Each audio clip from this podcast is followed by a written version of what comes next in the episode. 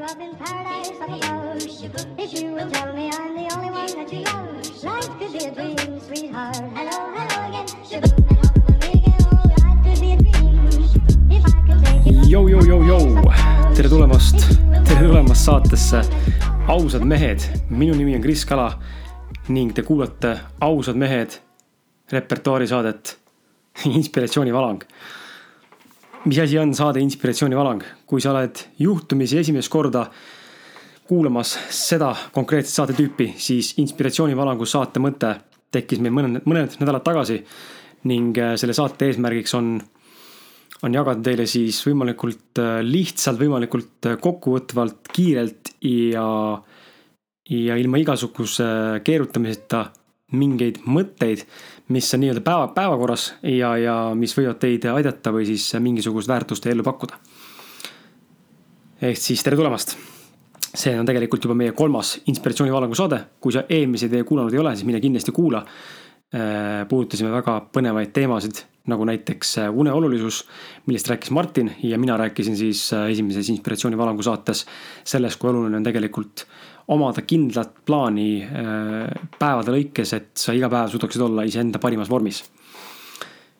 aga tänane, ma tahaks tänada tegelikult Sandra Sommerit, kes nädala alguses jättis meile, tähendab, kes jättis meile eelmise nädala alguses arvest, arvustuse Facebooki ning soovitas meie väikest saadet siis ka nii-öelda oma sõpradega.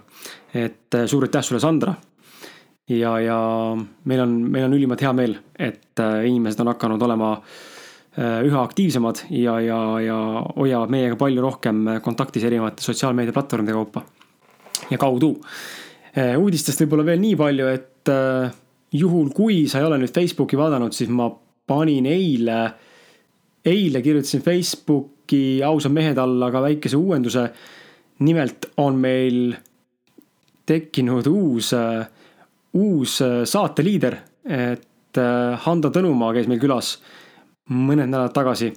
ja, ja Hando Tõnumaa on noh, tuntud kui Telegrami, Telegrami looja. ja huvitav tema juures on see, et saade, saade Handoga siis on, on, on tükk aega nüüd üleval olnud. ja tänaseks on kuulatud seda siis kaheksa, üle kaheksasaja korra, alla laetud kaheksateist korda ja sellele on jäetud üksteist meeldimist. Ehk siis Hando saade, Telegrami saade sai meie ausad mehed podcast'i kõige populaarsemaks saateks. et suur aitäh teile ka Telegrami kuulajad, kes on aega leidnud seda, seda saadet siin kuulata ja meiega, meiega siin olla aga see saade tegelikult on pühendatud ka sellele samale Sandrale, Sandra Sommerile, kes meile tegelikult selle arvustuse jättis ja sellepärast, et Sandra kirjutas meile veel Facebooki väga privaatselt ja. Ja, ja väga privaatselt ja väga varjatult tabaluguga ja igast erinevate koodidega, et ta kirjutas meile privaatselt Facebooki sõnumisse ning palus me et me räägiksime ühel konkreetsel teemal, mis on teda pikalt painanud.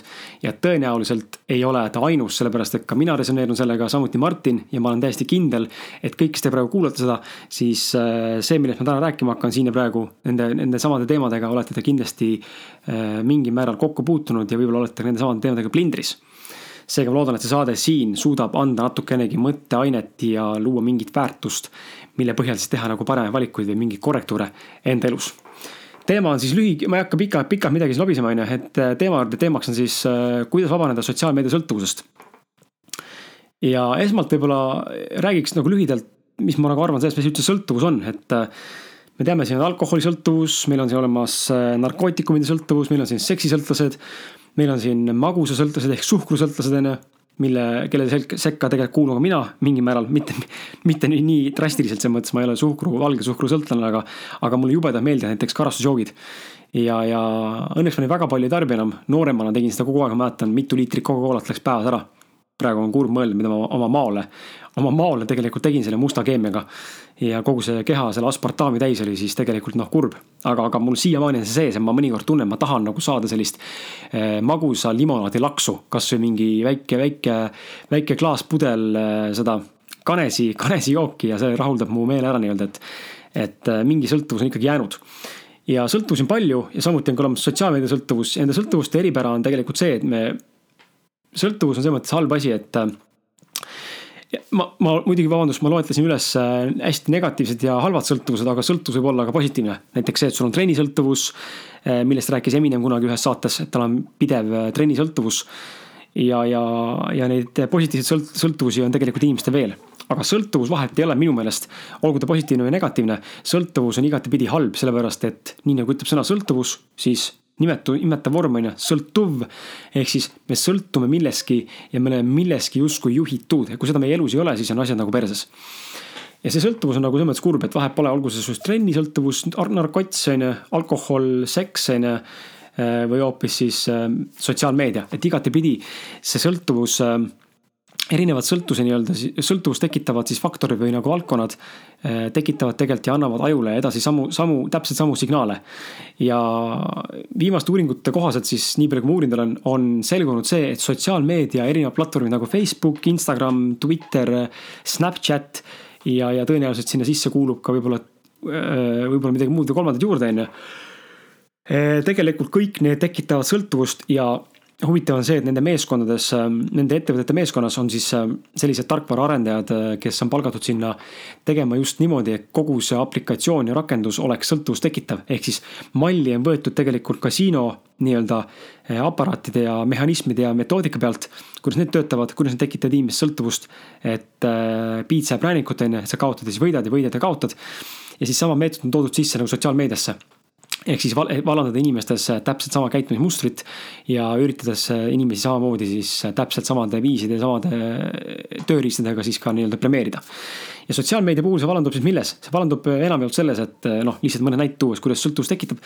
on see, et kui me paneme pildi ülesse, meie pilti saab piisavalt palju likee või kommentaare, siis tihti me tunneme ennast eriti sitast, et nagu mis asja kellelegi ei meeldinudki.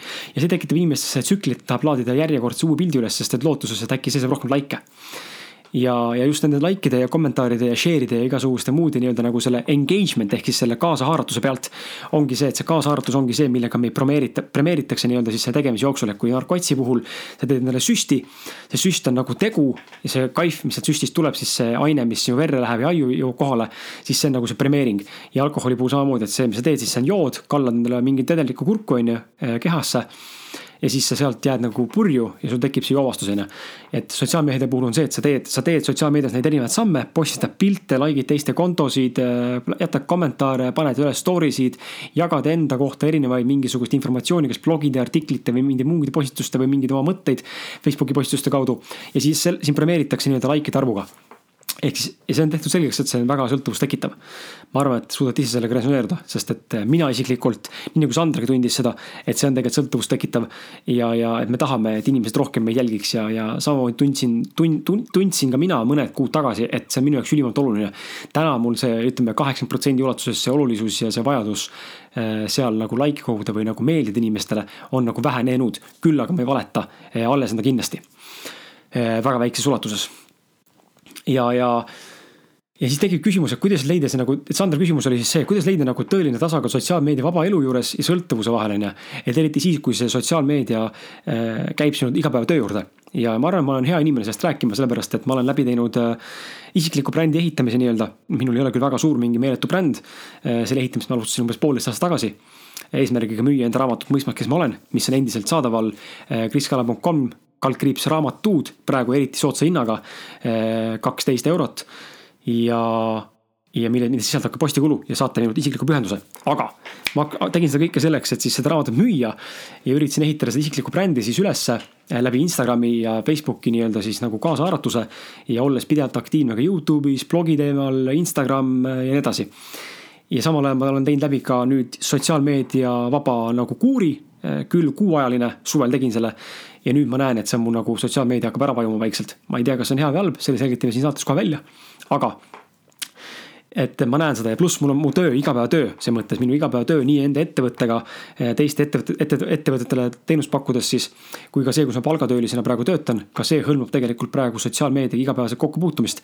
ehk siis ma teen sotsiaalmeedia ja eh, ütleme sisu, sotsiaalmeedia turundust ja sisu, sisuloomet nii-öelda siis erinevatele ettevõtetele. ehk siis Facebook, Instagram, sisuloomet, postitused ja nii edasi, kodukas samamoodi.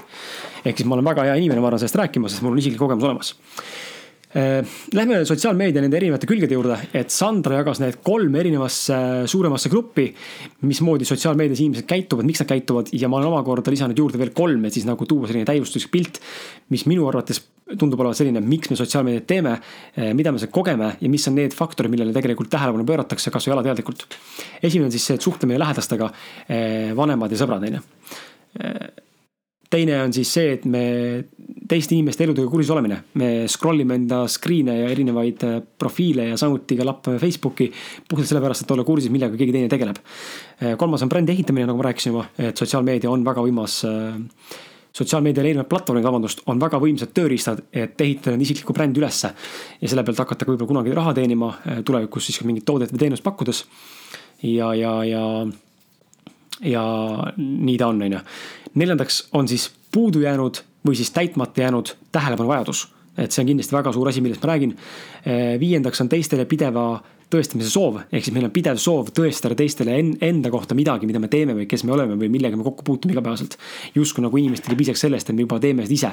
et endale teadvustamisest, teadvustamisest ei piisa ja iseendast meile ka enam ei piisa. seega me leiame viisi ja me tahame teistele tõestada, me teeme midagi ja kuues on siis laiskus ja mittesuutlikkus ennast kätte võtta. ehk siis tekib see infinite nii-öelda nagu loop ehk siis nagu sõlm või nagu äh, ratas, kuidas eesti, mis see otsetõlge on, ma ei teagi äh,.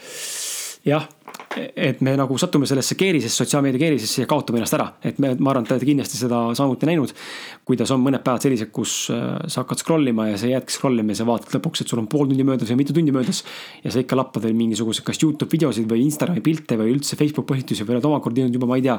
ühest postitusest kuskil mingisuguse muu mingi üldse, ma ei tea, mis kuradi valdkonnani välja et see on nagu meeletu aja raiskamine tegelikult ja, ja kui seda kontrolli all ei võta, siis tegelikult läheb päris palju aega kaotsi aga hakkame lahkama siis neid asju, neid kuute samme otsast peale ja püüan anda siis nõu, äh, kuidas nendega toime tulla ja, ja mismoodi need tegelikult meid mõjutavad ja mida me võiksime tegelikult nende puhul vältida või mida muuta, mida teha. esimene siis, suhtlemine lähedastega ehk siis vanemad ja sõbrad.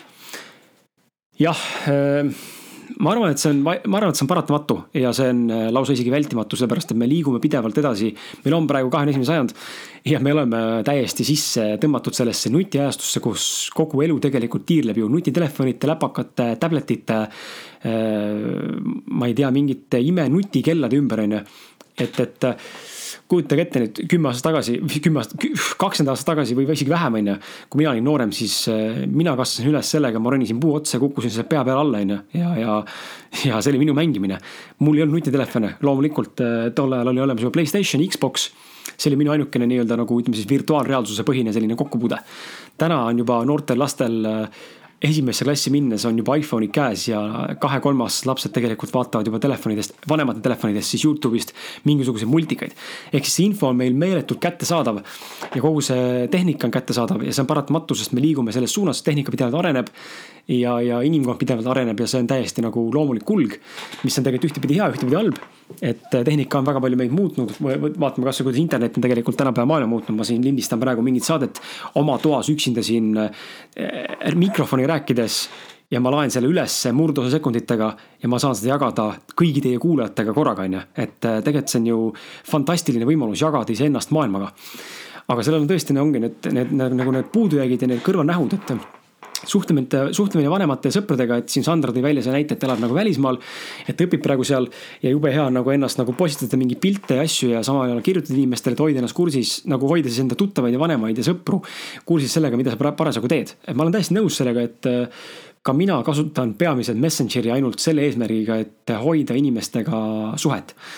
või tähendab suhtlust, ehk siis telefon paratamatult on ka olemas alati, helistamine, küll aga see on kahjuks tahaplaanile jäänud rohkem, kui me võib-olla sooviksime. siis Messenger Facebookis on kindlasti see, mis aitab meil nagu kiiremini neid sõnumeid inimestele edastada ja, ja paratamatult me ikkagi mingi põhjusel pigem kirjutame, kui me helistame. ja ma näen isegi seda, et isegi, isegi nagu praktilistes ja ütleme kiiretes nagu prompt asjades me pigem ikkagi saadame kas meile või sõnumeid või chat'i eh, Messengeri, kui helistame. et äh, minu isiklik, isiklik soovitus on kindlasti see, et äh, mida mina teinud olen siia praegu nüüd siis, on see, et äh, kuna minu jaoks ei ole nagu Messenger ainuke suhtlemisviis ja minu jaoks on see üsna nagu tuim.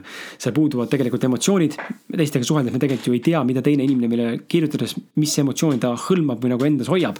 kui ta just ei kasuta mingisuguseid teatud emo emotikone on ju või nagu neid äh, nii-öelda emoji sid.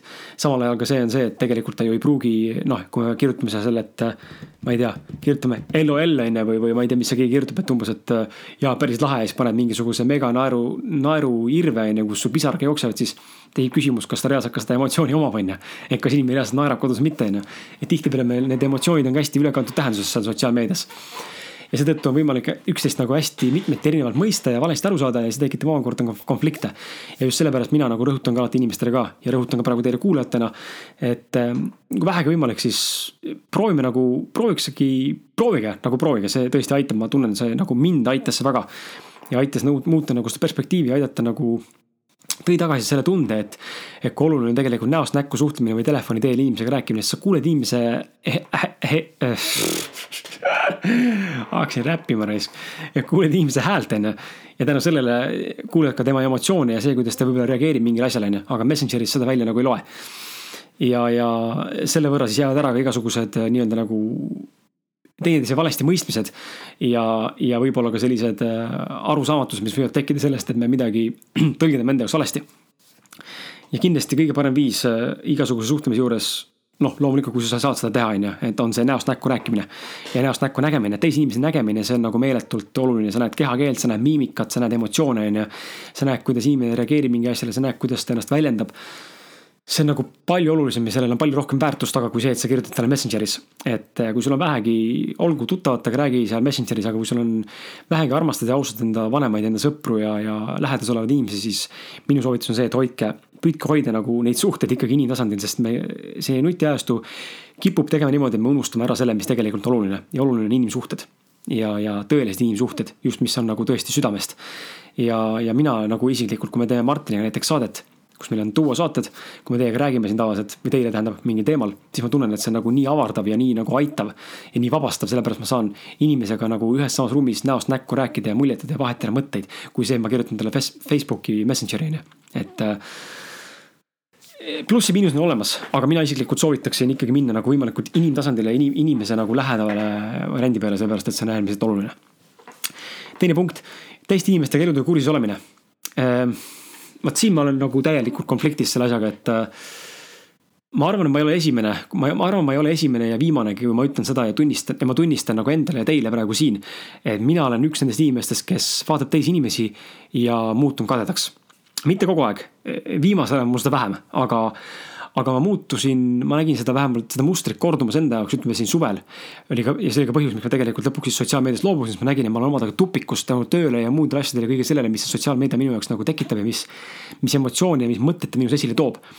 Ehk siis mul tekib kadedus, kui ma näen kedagi, kellel läheb paremini. Ja ma arvan, et äh, ma ei ole, nagu ma ütlesin, ma ei ole, ma ei ole esimene ega viimane ma arvan, et see on tõsi, sellepärast et äh, meie inimloomuses on ikkagi kuidagi kaasa sündinud see, et me kipume ennast teistega ikkagi võrdlema ja isegi kui me ei tee seda nagu halval eesmärgil ja ma vaatan kedagi, et kas keegi on minust kehvem, on ju, et oo oh,, türa, sa näed sitem välja kui mina, on ju. oh, vabandust. või, või et oh, ma ei tea, ma olen lahedam välja, on ju, siis ei pruugi alati olla see, et me mõtleme et me, me lähtume nagu alati nagu negatiivsest äh, kontekstist või nagu negatiivsest tulemist. vaid me lihtsalt teeme alateadlikult seda, me võrdleme ennast kellegi teisega. et issand, ta käib niimoodi riidis ma käin parem niimoodi, on ju, või, või appi ta, ta loeb sihukest raamatut, huvitav, miks ta sihukest asjast huvi tunneb, on ju. sest et see on inimloomuses võrrelda ennast kellegagi, kes on meist erinev, sest me oleme harjunud elama iseenda kakskümmend neli seitse ja, ja ilgelt tore on ka see, kui sa oled nagu ennast analüüsiv inimene, nagu mina ja Martin näiteks. ja me suudame ennast nagu kõrvalt näha ja analüüsida enda tegevusi ja enda nagu mõtteid ja, ja käitumismustreid. aga hullem on see, kui sa ei suuda seda teha ja siis sa avastad üks päev, et noh, mina olen sihuke ma teen nii ja naa ja siis sa nagu hakkad teiste inimeste pealt nägema seda, mida nemad nagu peegeldavad sulle ja samal ajal sa näed ka seda, mida nemad nagu teevad teistmoodi, mis mõnikord võib käivitada seda, et sa hakkadki tundma kadedust, sellepärast et sul ei ole asjad paigas võib-olla selles valdkonnas. ja võib-olla toon nagu näite, ma näen, mind nagu ärritab võib-olla, mis mind nagu ärritab siiamaani või ma arvan kõige rohkem, no mis mind nagu kadedaks teeb, on see, kui ma näen inimesi, kes äh, esiteks on minust äh, paremas füüsilises vormis, ehk siis nad teevad kõvemini trenni ja nad pingutavad rohkem, sest nende elus ongi trenn näiteks prioriteet number üks, kui minul samal ajal on trenn näiteks prioriteet number neli ja siis ma nagu lähengi närvi ja mul tekib kadedus, et türa, miks mul ei ole sihukest keha ja miks ma ei ole veel seal. ja see nagu sööb mind jubedalt ja ma lähen ülinärvi, sellepärast et nagu noh aga see ei olegi, oota, tuleb aru saada sellest, et see ei ole selle inimese süü, kelle pilte me vaatame, kelle konto ma jälgin, vaid probleem on minus endas, et mul see emotsioon ja see tunne nagu üles tuleb. ehk sellega tuleb tegeleda. ja, ja samal ajal on teine asi, mis mind häirib, on see, kui näen inimesi, kellel on rohkem vabadust ehk rohkem raha. ja kes on rohkem edukamad nii-öelda nagu selles mastaabis, nad saavad teha oma ajaga rohkem seda, mis nad teha tahavad. ilma, et nad peaks sõltuma näiteks palgatööst või peaks sõltuma sellest, et nende aeg on limiteeritud iga päev, on ju.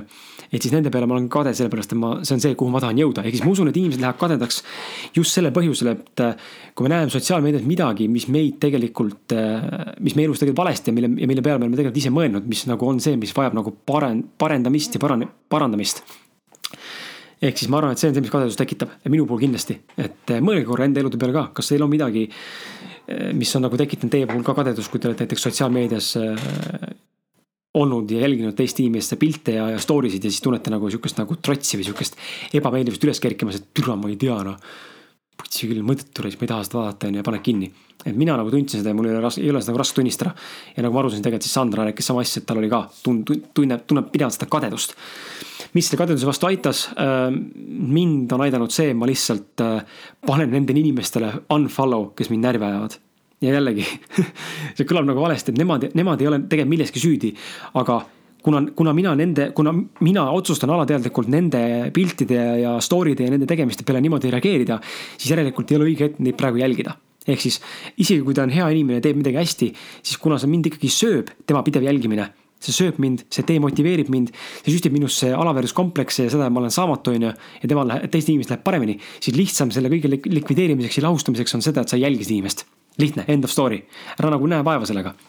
ja, ja võib-olla tagatipuks ma küsiks võib-olla seda ka, et, et ma nagu tegelikult ei saa aru, miks, et kui mõni ütleb mulle, et aga ma tahan teiste inimeste elu, aga ikka olen teiste inimeste elude kursis, on ju. mul tekib nagu küsimus, et, et türa nagu mille kuradi pärast sa tahad teiste inimeste eludega kursis olla, et nagu, kas sul endal ei ole piisavalt põnev ja piisavalt nagu hectic life? minu elu isiklikult ma praegu näen, ma, ma scroll in Instagrami nagu peaaegu null korda päevas, mis mind absoluutselt ei huvita enam, mis keegi mingi pilti üles paneb sinna mul nagu on huvi kadunud, kui vanasti ma scroll isin samamoodi täiega palju. praegu ma tunnen, mind isegi absoluutselt ei huvita ja ma tunnen nagu mul ei ole aega seda vaadata, sest et mul on nii palju muid asju, mis mu elus praegu on palju olulisemale kohal, millele ma peaksin tähelepanu pöörama ja millele ma ka pööran et nendega tegeleda.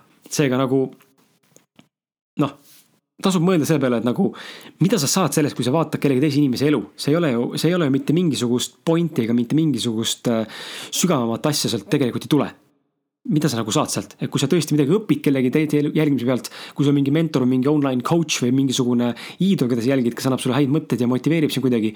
nagu minu puhul näiteks on Andy Frisella ja Gary Vee ja Robin Sharma on ju, loomulikult jälgi neid. aga, aga siis siis nendega ei teki mul seda tunnet, et türa, nad on must edukamad. ja isegi kui see korraks tekib, eks ole, nagu mul üleeile tekkis Vee videot vaadates tekkis tunne, ma olen ikka täis sitakott on ju jälle. tekkis sihuke ennast sööv mõte on ju, siis samal ajal ma ikkagi tunnen motivatsiooni, sest ma sain nagu power'it. seega ole endaga hästi aus ja nagu selles mõttes, kui sa tahad teiste inimeste kontosid jälgida, pidevalt lapata neid, siis vaata enda elu üle nagu, kui sul ei ole tõesti mitte midagi, millega sa elus peaksid tegelema või ei ole mingeid asju, mis on sinu jaoks oluline, siis tekib küsimus nagu, et sorry, aga äkki on aeg endale mingi hobi leida või mingi asi, mille leida, millesse sa saaksid panustada iseennast. ilma, et sa peaksid aega raiskama sellele, et sa vaatad teiste inimeste elusid. et nagu seal ei ole mõtet lihtsalt. kolmandaks, jah, ma arvan, oli kõik. kolmandaks, puudu jäänud tähelepanu vajadus äh,. Sorry, ei. kolmandas on teistele pideva tõestamise soov vot see on nüüd, see on nüüd asi, millega ma olen ka ise silmitsi seisnud ja mingil määral ikka veel nagu eelmise teemagagi, selle kadedusega seisan mina ikka veel silmitsi samamoodi ma näen, et inimesed tahavad, see väljendub igal pool, see ei ole ainult sotsiaalmeedias. võtame kõige lihtsama näite, sa lähed kellegi juttu rääkima. ma näen seda iga päev oma elus, ma näen seda fucking iga päev lihtsalt. Eh, just nagu väljaspool kodu olles, ma näen seda iga päev. sa lähed inimestega suhtlema ja oled seltskonnas ja mida kõik inimesed teha üritavad? mis on see, mida kõik inimesed teha üritavad? Nad kõik üritavad rääkida ainult iseendast ja see on lihtsalt fucking hale. see on lihtsalt hale, see on häiriv, see on mega närvi ajav. ja see on tegelikult väga ebaintelligentne käitumine. inimeste eesmärk on ainult iseendast rääkida, sest et see tund-, sest et me ta-, meil on mingi vajadus jagada enda kogemust teistega. ja jagada enda mõttemaailma, jagada, jagada mingisugust enda nägemust ja enda mingisugust, ma ei tea, mingit perspektiivi või mingit arvamust või mingit et noh, meil on ilgelt tungiv soov nagu suruda peale seda, mis, mis, mis meie nagu arvame. ja see väljendub igapäevases suhtluses inimestega, vaadake järgmine kord et tihtipeale isegi kõige hullemad stsenaariumid on need, kus sa räägid inimesega juttu, inimene isegi ei kuula sind, kui sa talle midagi vastad. vaid ta sinu vastamise ajal juba mõtleb selle peale, mida ta sulle järgmisena vastab. ehk siis me tegelikult ei kuule teist inimest, vaid meie ainukeseks eesmärgiks ongi sihuke egoistlik ja ennast täis sihuke selfish motherfucker, sihuke kuradi sõna otseses mõttes perselakkuja käitumismuster, et me räägime ainult iseendast ja me ei kuula ega ei austa seda, mis teine inimene tahab meile öelda. ja sellised suhtumised ei saa mitte kunagi mitte mingisugust alustala tegelikult tekkida. ja ja, ja sealt tuleneb, ma arvan, ka see, miks me tahame teiste inimestega ennast jagada sotsiaalmeedias, sest me tahame tõestada teiste inimestele ja näidata teiste inimestele, et meil on hästi. Ja see on sotsiaalmeedia üks väga suur puudujääk, mida väga paljud inimesed ei tee. ja sellepärast on ka meie saade, saate nimi Ausad mehed, sest me räägime ausalt sellest, mis on hästi ja mis on sitasti. aga mida sotsiaalmeedias inimesed üldse ei tee, on see, et nad ei räägi sellest, mis on sitasti. ja see on jubedalt häiriv vähemalt mind, võib-olla kõiki inimesi ei häiri ja mõnda ei huvitagi sihuke asi. mõned inimesed tunnevad, tahavadki minna sinna sotsiaalmeediasse, Instagrami scroll ima ja näha neid positiivseid fluffy unicorn'e ja üksiksarvi lendavaid ringliblikaid ja roosasi muffineid ja, ja karusid ja ööhobusid onju ja kallistavaid lapsi. Mina tahan minna sinna, ma tahan näha reaalselt seda, kus kellelgi on ka midagi sitasti. võib-olla ma kiiksuga, aga, aga mulle annaks isiklikult seda tunnetust juurde, et okei okay,, ma ei ole üksinda selles sita sees aga kui ma iga päev näen seda, kuidas kõigil on nii hästi, kõik on mingisuguses oma elu parimas vormis, pealkirjad ka on sellised, et happy life ja ja, ja best day of my life ja ma ei tea, hashtag life goals ja, ja, ja love, love in the air ja mis iganes veel, onju. siis mul tekibki tunne nagu, et kas ma ainuke sitaga, kes ma eluga hakkama ei saa. Ehk siis sotsiaalmeedia näitab ainult seda külge, mis inimestes hästi on ja varjab tegelikult seda tõelist palet mille eest inimesed tegelikult põgenevad. ehk siis see soov näidata ennast ainult heast küljest, positiivsest küljest ja edukast küljest ongi see, me tahame teist inimest näitada, näidata, et ka meil läheb hästi. ja, ja seda tehakse just eriti siis äh, ka omavahel suheldes, kui näiteks sa näed kedagi, kellega sa pole ammu tut-, mõne tuttav, kellega sa pole ammu kokku puutunud ja tekib suhte küsimus nagu, et oh, tšau, et kuidas läinud on, siis sa hakkad rääkima ainult sellest, mis sul hästi on. et näidata talle, et sinu elus on toimunud mingisugune areng mingis suunas on ju, mis iseenesest tegelikult õilis eesmärk, me peaksime kogu aeg arenema aga me ei suuda nagu endale tunnistada, et võib-olla mõne inimese jaoks ongi need enesearengu etapid nagu väga pikad ja kestavad aastaid. aga inimesed tahavad näidata, näidata ennast alati sellisest külgedest, kus nagu iga päev midagi justkui muutub, iga päev justkui midagi õpime, on ju, mis on ideaalne nagu stsenaarium, aga alati ei pruugi nii minna. ehk siis ma näen väga hästi seda, kuidas äh, me üritame ennast täiesti mõttetult ennast nagu tõestada teistele. Mina elan paremini, mina toitun tervislikumalt, mina olen paremas vormis, mina olen targem. mina õppisin ülikoolis seal, seal, seal, mina läbisin need äh, kraadid. Äh, mina olen sellise töökoha peal, ma teenin nii palju, ma sõidan sellise autoga, mul on see maja, mul on need autod, mul on need lapsed, mul on see koer. mul on sellised riided, ma käisin seal shoppamas, ma reisisin täna Tahitile ja nii edasi. me tahame ennast nagu näidata sellepärast, et me tegelikult äh, see on täpselt nagu eelmise teemagi. meile ei piisa sellest, et me iseennast iseennast nagu suudaksime austada ja aktsepteerida sellisena, mida me teeme ja kes me oleme, ehk siis meil ei piisa sellest, et me ise teadvustame endale. vabandust, et me, meil ei piisa sellest, et me teadvustame endale, kus me täna oleme ja kuhu me tegelikult jõudnud oleme ja kui tublid me oleme. vaid me otsime seda kinnitust väljaspool iseennast. sellepärast, et me oleme, vist oleme nii haledad ja tegelikult seest kõik samamoodi katki. ja see on lihtsalt kurb see on, see on lihtsalt kurb. vaata ükskõik missuguse inimese postitust Instagramis profiili nagu seina ja ma garanteerin, et kümnest pildist viis-kuus on eh, igal juhul, isegi kui seal kirjas ei ole seda, siis see pilt, see pildi signatuur ehk mis selle pildi taga olev energia energeetika ütleb selle taga, see mõte, mis pildi taga on. see tegelikult kirjeldab puhtalt seda, et me tahame saada teiste inimeste heakskiitu, eriti teevad seda naised, kes käivad jõusaalis ja samuti mehed, kes panevad üles endast paljad pilte ja eriti just need naised, kes poseerivad äh, pesuväel ja erinevates kohtades rannas ja kuskil mujal neid väga siivutult. Nad tahavadki need, need räpased ja need kuradi mahlakad kommentaarid tuleks nende disside ja rindade kohta ja et see, see boost ib nende ego. Nad pole iseendaga rahul tegelikult. Nendel on väga suured, neil on, neil on, neil on tegelikult need inimesed, kes otsivad sellist tähelepanu sotsiaalmeedias. Nende kõikidel tegelikult on väga suur alaväärsuskompleks, mida nad endale tunnistada ei julge. minu ainus soovitus siin on see, et get your fucking shit together ja vaata endale otsa. kui sul on alaväärsuskompleks, siis fucking tegele sellega. see, et sa teiste inimeste näod seda nii-öelda kerjad igapäevaselt, ei ole kindlasti lahendus, sul tuleb endaga fucking tegeleda.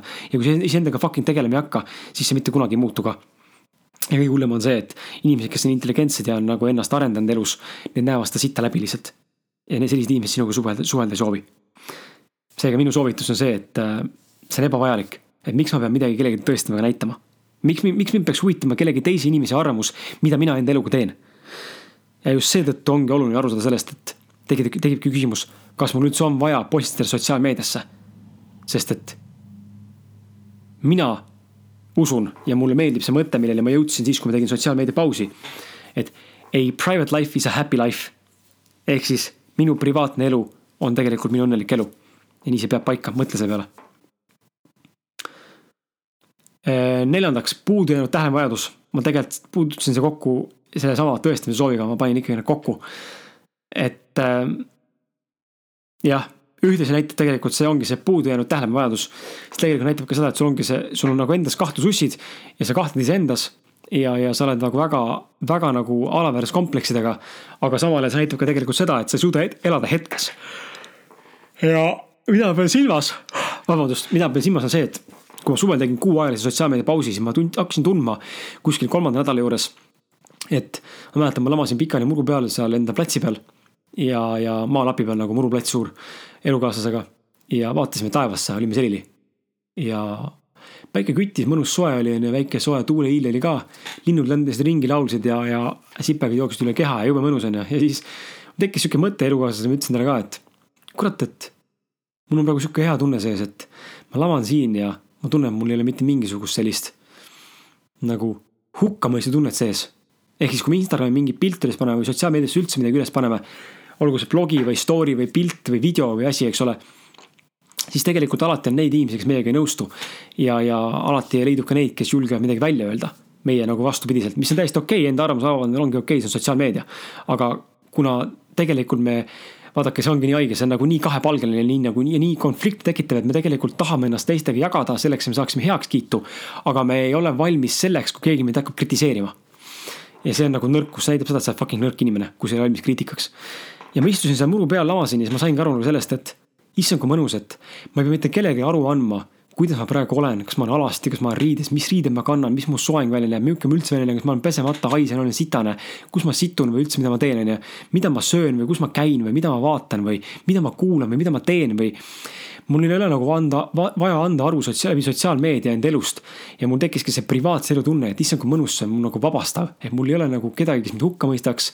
Pole mingeid oletusi ega eeldusi, mis inimesed vaatavad minu profiili umbes, kes see Kris Kala on, sihuke vend. aga mida ta ka teab umbes mingis, ma ei tea millest on ju. ehk siis ma tundsin ennast vabana. ja, ja see on see, mida ma teile soovitan ka, et lõpetage nagu see teiste inimeste heakskiidu nimel elamine, see ei vii elus mitte kunagi väga kaugele. lõpetage see siit ära, elage siis endale bränding. neljas asi, bränding. tegelikult vii-, sorry, võtame, võtame neljanda ette siis. Eh, see laiskus ja mugavus ehk siis sotsiaalmeediaga ja see, see endless loop ehk siis nagu infinity loop, me jääme sinna lõksu. sotsiaalmeedia juures on tõesti kõige suurem miinus on see, et eh, kui sa hakkad seda lappama sotsiaalmeedia ja scroll ima seda Facebooki, Instagrami on ju, siis tihtipeale inimesed jäävadki scroll ima enda neid asju ja panevad lihtsalt seal double tap'iga niimoodi on ju, igale pildile on ju, lihtsalt niimoodi. jube hea, on ju. ja, ja tegelikult, kui sa suudaksid ennast nagu selles hetkes kõrvalt näha, siis tegelikult see on täiesti totter. jälgi mõnikord, jälgi mõnikord avalikus, avalikes kohtades mõnda inimest. näiteks mingit noort, just noored on need, ütleme vanuses kümme kuni sihuke kolmkümmend viis isegi äh, kus sa näed, inimene lihtsalt on nutitelefonis, ta on Instagram lahti ja vaata, mida ta teeb ta lihtsalt scroll ib lakkamatult seda fucking enda ekraani nagu mingisugune kuradi arulage, mingisugune debiilik. vabandust, ma nüüd ütlen, aga sihuke tunne, et inimene raiskab oma elu lihtsalt selle peale, et ta näpuga lohistab ülevalt alla mööda oma ekraani selleks, et näha midagi, mis tegelikult talle mitte midagi juurde ei anna. ja kui sellest veel ei piisa ja tema feed, sõprade feed ja sõprade uudised peaks otsa saama, tekib veel linnuke on ju seal Instagramis, mis on uus uuendus on ju, et sa oled nagu up to date on ju, siis ta läheb, vaatab hashtag'ide järgi millised on populaarsed hashtag'id ja vaatab seal mingeid totraid videosid, kus kassid tantsivad ja mingisugune vend hüppab seal kuskilt. ma ei tea, kuradi sellest basseini hüppelaualt hüppab peakat onju ja mingit täiesti absurdset asja siis irvitab ja siis muigab onju. nagu mul tekib küsimus nagu, et what the fuck, mille persega sa tegeled? ja, ja, ja, ja siis tekibki see tunne, et sa oled omadega täiesti nagu loop sa oled sellesse sisse nii võetud, et sa kaod ära sinna, see aeg kaob, sul läheb sinna kümme minutit, kakskümmend minti, kolmkümmend minti, sul on tund, sul on kaks tundi, sul on kolm tundi, lõpuks on sul kuradi kuus tundi möödas. ja sa mõtled päeva peale, et mida perset, ma raiskasin täna nüüd kolm tundi selle peale tegelikult vahelduva eduga. et ma vaatasin teiste inimeste pilte, like isin ja vaatasin mingeid hashtag'e, mõttetuid videosid, mis tegelikult mitte midagi minu elule ei andnud. mitte mingit väärtust ma ei saanud sealt, midagi ma sealt ei õppinud. mitte mingisugust kogemust ma juurde selle pealt endale rakendada ei saa, on ju. ja, ja see on tegelikult kasut-, useless, useless time, I wasted my fucking life ja see realisatsiooni nagu realisatsioonini nagu jõudmine on see, mis nagu tekitab inimestes selle kurbust ja seda halba tunnet, et täitsa perses. ma olen nii mõttetu vend lihtsalt. aga selle vältimiseks ongi see, et ära satu sellesse, eh, sellesse keerisesse ja selle nimel tulebki vaeva näha, et sa sinna ei satuks. ja kõige lihtsam seda teha on see, näiteks mida mina tegin, jälle lahendus teile on ju, mida mina näiteks tegin on see, et ma olen teinud Facebookis niimoodi, esiteks ma olen pannud kõikidele inimestele Facebookis unfollow juba ammu. mul tuleb uus sõber, siis ma enne lappan ta ekra-, tema nagu profiil läbi ja kui see inimene ei ole minu jaoks piisavalt atraktiivne, ma tunneksin sealt midagi on saada. mis kõlab väga egoistlikult inimeste jaoks, aga ma tunnen, ma tahan inimestelt ikkagi midagi saada. Eh, selles mõttes, et ma tunnen, et ma pigem tahaks leida inimestes mingit väärtust, mis ka mulle midagi ellu toob. olgu see siis positiivne või eh, hea, on ju, või mingisugune praktiline asi. või motiveeriv ja inspireeriv, on ju ja kui seal midagi ei ole, ma panen inimese unfollow, mitte mind, mitte mul midagi vastu, vaid lihtsalt mind ei ole, mul ei ole vaja näha, kuidas ta jagab mingisuguseid mõttetut sitta enda, enda, enda kuskil seinal, onju ja, ja teine asi on see, et kuna, kuna mul ei ole, kuna mul ei ole follow inimeste pandud, siis mul ei ole Facebookis ka väga palju nii-öelda nagu news feed'il väga palju seina peal olevaid asju, mida keegi üles laes kuskil, sest et mul ei ole seal mitte midagi. ja sama olen Instagramis teinud, et vähendage enda Instagrami jälgijate arvu nagu reaalselt vaata läbi, kui sul on tuhat inimest, keda sa jälgid, siis mõtle ikka selle peale, kas seal on inimesed, keda sa tegelikult jälgida tahad. Instagram ei ole see koht, kus ma panen endale listi kellegi puhtalt sellepärast, et aa, ta on mu sõber, ei. kui su sõber ikka paneb üles sulle pilte sellest, kuidas ta iga päev paneb tina joob, eh, reklaamib mingit suitsu, tubakat ja suitsetamist ja alkoholi ja sina oled selle vastane inimene, nagu näiteks mina olen, siis sorry, aga miks ma peaks tahtma sellist inimest jälgida, see ei kattu mu maailmavaatega. Fuck them, kustuta see sitt ära lihtsalt. ehk siis nagu mõtle sügavalt selle peale Eh, keda sa tahad jälgida ja kui palju sa tahad inimesi jälgida seal sotsiaalmeedias, sellepärast et vastasel juhul, kui sa ei sorteeri ja see ei ole väga nagu nišipõhine või nagu konkreetse enda nii-öelda nagu soovide või prioriteetide järgi ei, ei sorteeri inimesi, siis tänu sellele tulemusele tegelikult sa kaodki ära sinna ja see kadumine tuleb väga lihtsasti, seega ole ettevaatlik, seega jälgi. ja, ja teine asi, mis, miks see kadumine inimesel tekib, on sellepärast, et see on laiskus sa tead, sa peaks midagi tegema, aga sul tekib see procrastination ehk siis nagu edasilükkamine. et ma korra vaatan, mis siin Instas toimub. ma korra vaatan, mis Facebookis on. ma vaatan, äkki keegi mulle Messengeri kirjutanud. See on haigus, see on haigus ja see on sõltuvus, millest ma rääkisin alguses. see on see täpselt sama see sõltuvus esimärkidest. ma vaatan igaks juhuks iga minut, äkki mul on midagi uut tulnud Instagrami, Facebooki. kuule, maailm ei saa otsa kui sa minut aega või kaks tundi isegi vaatasin nagu isegi, kuule, ma ei olnud kuu aega Instagramis ja Messengeris. mu elu ega maailm ei lõppenud. seega fucking get your shit together, elu ei saa otsa võta kokku ennast. See on lihtsalt, see on lihtsalt väga halb harjumus, see on sõltuvus ja see on laiskus selle ees, et sa tegelikult üritad otsida väljundit sellele, et sa ei taha teha seda, mida sa tegelikult tegema peaksid. ja see on valus. ja pärast saad sitta kuri endaga, vihane endaga ja lõpuks oled pettunud ja kõik on perses. ma tean, millest ma räägin, sest ma olen seda kogenud ja kogen seda praegu ka teises tasandis ja teises võtmes aga sotsiaalmeedia puhul on täpselt sama asi, see on puhtalt laiskuse küsimus. lõpeta see pask ära, võta ennast kokku, hakka tegutsema. ja viimane on bränding selle brändingu ja enda brändi ehitamisega on sihuke asi, et kui sul tõesti on midagi inimestele jagada, eh, toode-teenus või mingisugune motiveeriv, eh, oled motiveeriv isiksus, teeb midagi sellist, mis võiks nagu maailma raputada, inim-, maailma inimesi aidata, siis palun väga.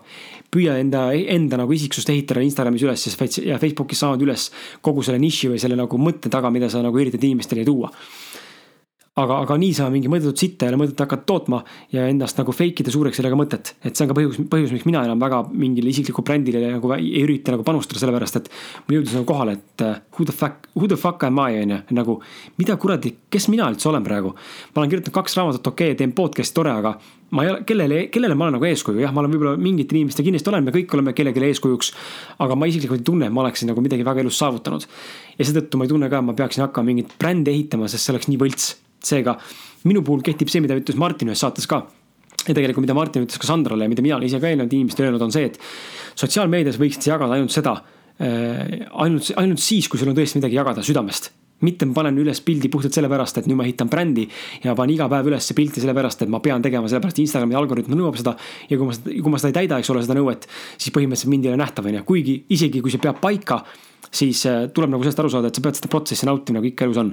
sa ei saa teha, sa ei saa elus teha midagi sellist, mille üle tegelikult, mida sa nagu tegelikult vihkad ja teed sellepärast, et sa pead seda tegema, see ei toimi, mitte kunagi ei toimi. minu elus, Martini elus, meie elukaaslase elus, kelle elus, see lihtsalt ei toimi ja ma usun, et sa saad sellest aru. seega brändi ehitamise juures on ülimalt oluline see, et sa teaksid seda, mida sa tegelikult tahad pakkuda. ja kas sul on üldse midagi pakkuda, siin tuleb endaga väga aus olla, väga kriitiline endaga väga aus olla.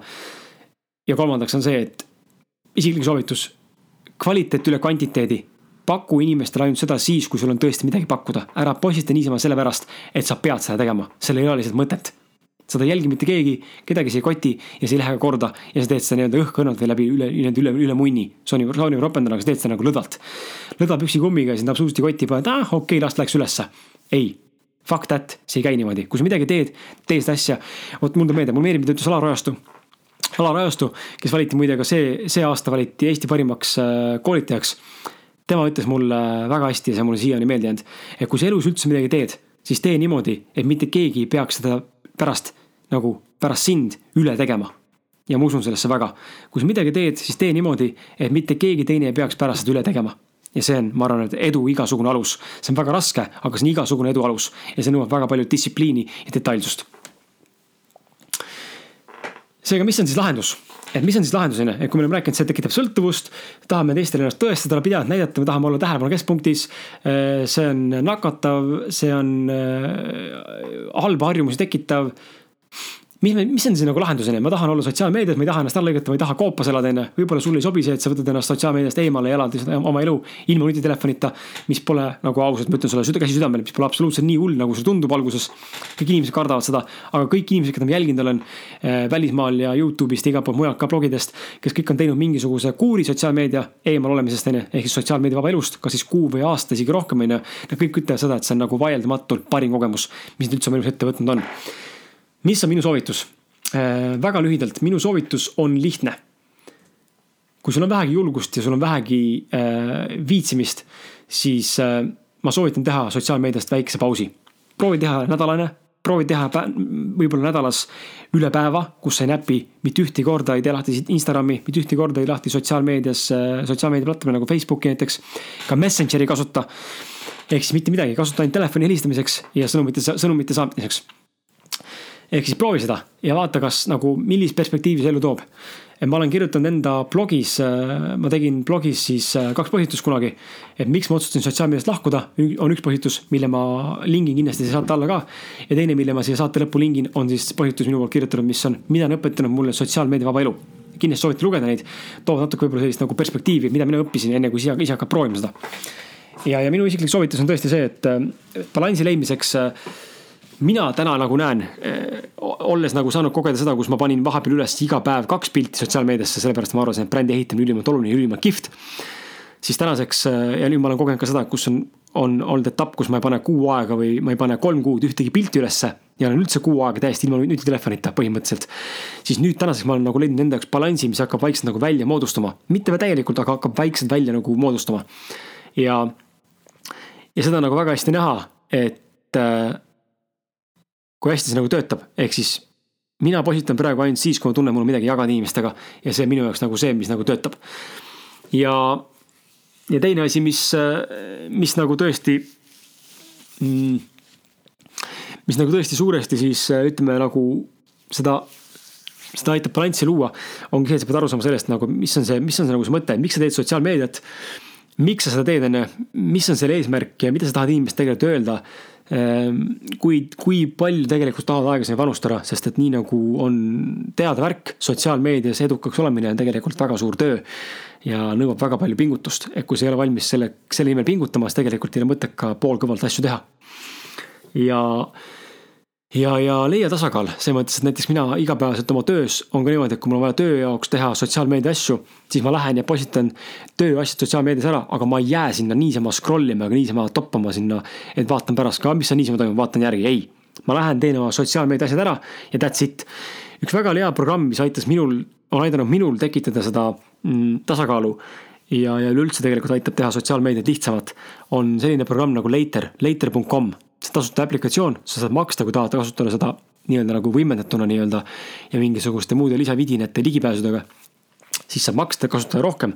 aga põhimõtteliselt sa saad teha postitusi, nelikümmend postitust, kolmkümmend kuni nelikümmend nimet-, ma ei, ma ei tea, ma ei tea, veel praegu on, see kogu aeg muutub nii seal. on kolmkümmend kuni nelikümmend posti, on kuus tasuta, mis sa saad teha siis, ehk siis saad, on nagu kalender, sa saad nagu planeerida enda sotsiaalmeedia postitusi ette. kui sa juba tead, mida sa tahad nagu postitada. aga see eeldab seda, et sul on ka pildipank mis pilti sa üles paned. ja see eeldab seda ka, et sul on olemas siis eh, noh, sul on midagi, mida jagada inimestega.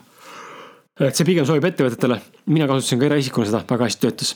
ja kasutan siiamaani seda ka ausalt meeste näiteks Instagrami tegemisel ja enda Instagrami tegemisel ka, kui mul on selleks põhjust. et see on aidanud minul väga palju luua balanssi just sellepärast, et ma istun kord nädalas maha. ma teen järgmise nädala, nädala sotsiaalmeedia postituste plaani ära nii Facebooki, Instagrami omas korraga. ja ma ei pea nädal aega sotsiaalmeediasse põhimõtteliselt vaatama, kui ma ei taha. ehk siis see aitab mul luua tasakaalu. vot. Jah, et kuidas vabaneda sotsiaalmeedia sõltuvusest, lõpetuseks siis äh, sellest tuleb loobuda kui sa tahad sellest saada, siis tuleb loobuda. see, et sa teed äh, vähem kuure või teed äh, vähem süsti, narkotisüste on ju, või, või vaatad vähem telekat, siis see nagu ei ole see, mis aitab saada vabaks sõltuvusest. sõltuvust vabandatakse siis, kui sa oled täiesti vaba sellest, millest sa sõltud, on ju. ehk siis, kui sa sõlt-, oled sõltuvuses sotsiaalmeediast, siis sul tuleb olla vaba sotsiaalmeedia, sotsiaalmeediast sõltumisest. nii et kui sul vähegi on julgust ja vähegi soovi ennast muuta ja seda valdkonda enda jaoks katsetada mis tunne on elada ilma sotsiaalmeediata, siis äh, proovi teha väikene paus sellest, sellepärast et äh, see on näidanud meile, et ühtlasi tänu sellele, et see tekitab sõltuvust, tekitab sotsiaalmeedia meis ka tähelepanu äh, hajutamist. ehk siis me tuleme sotsiaalmeediasse midagi tegema, meil on vaja tööd teha, kuskil on mingi bling-bling notification'id jälle tulevad, me tegelikult oleme pidevalt nagu hajutatud tähelepanuga ja me ei suuda enam fokusseerida ennast ühele konkreetsele tegevusele, tegevusele piisavalt pikaks ajaks ja tänu sellele langeb ka produktiivsus ja langevad meie tulemused. seega sotsiaalmeedia ei ole absoluutselt selline asi mida võib-olla väga kergekäeliselt võtta, noore inimesena seda raske rääkida, ma saan sellest aru. aga kui sa tegelikult sellele peale mõtled ja seda aru saad ja sul on isiklik kogemus, kus sa tegelikult näed ja hakkad tundma, et see tegelikult röövib sinu elu ja sinu aega, siis on võib-olla aeg hakata midagi muutma. vot, tahtsin teha lühidalt, sest et saade on inspiratsioonivalang, aga nelikümmend viis minti on täis tiksunud juba ja midagi ei ole teha, läks pikemalt, ma loodan, et see ei, et sa ei pahanda selle üle. sellel reedel on ka saade tulemas välja.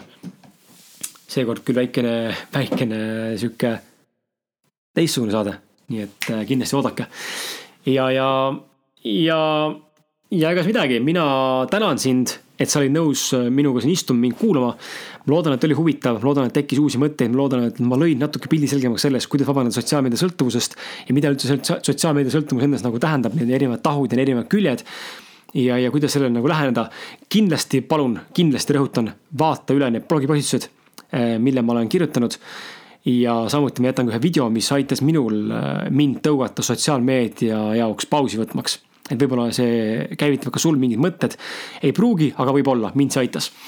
ja, ja, ja viimaseks siis ka, et, et ähm, kui see saade vähegi meeldis, siis äh, meie, meie ainuke tasu on see, et äh, palun jaga seda saadet. palun jaga seda saadet vähemalt ühe inimesega, kellel võiks sellest samamoodi abi olla ja, ja selle eest me oleksime sulle väga tänulikud et äh, aitäh, et te olete meiega olnud siiani need pool aastat ja järgmised äh,, järgmised, kõik need järgmised aastad on veel paremad ja veel jõulisemad. aitäh kuulamast ning äh, ole sina ise, ole tubli, jää iseendaks ning äh, kohtume juba järgmises saates, mis on reedel. tšau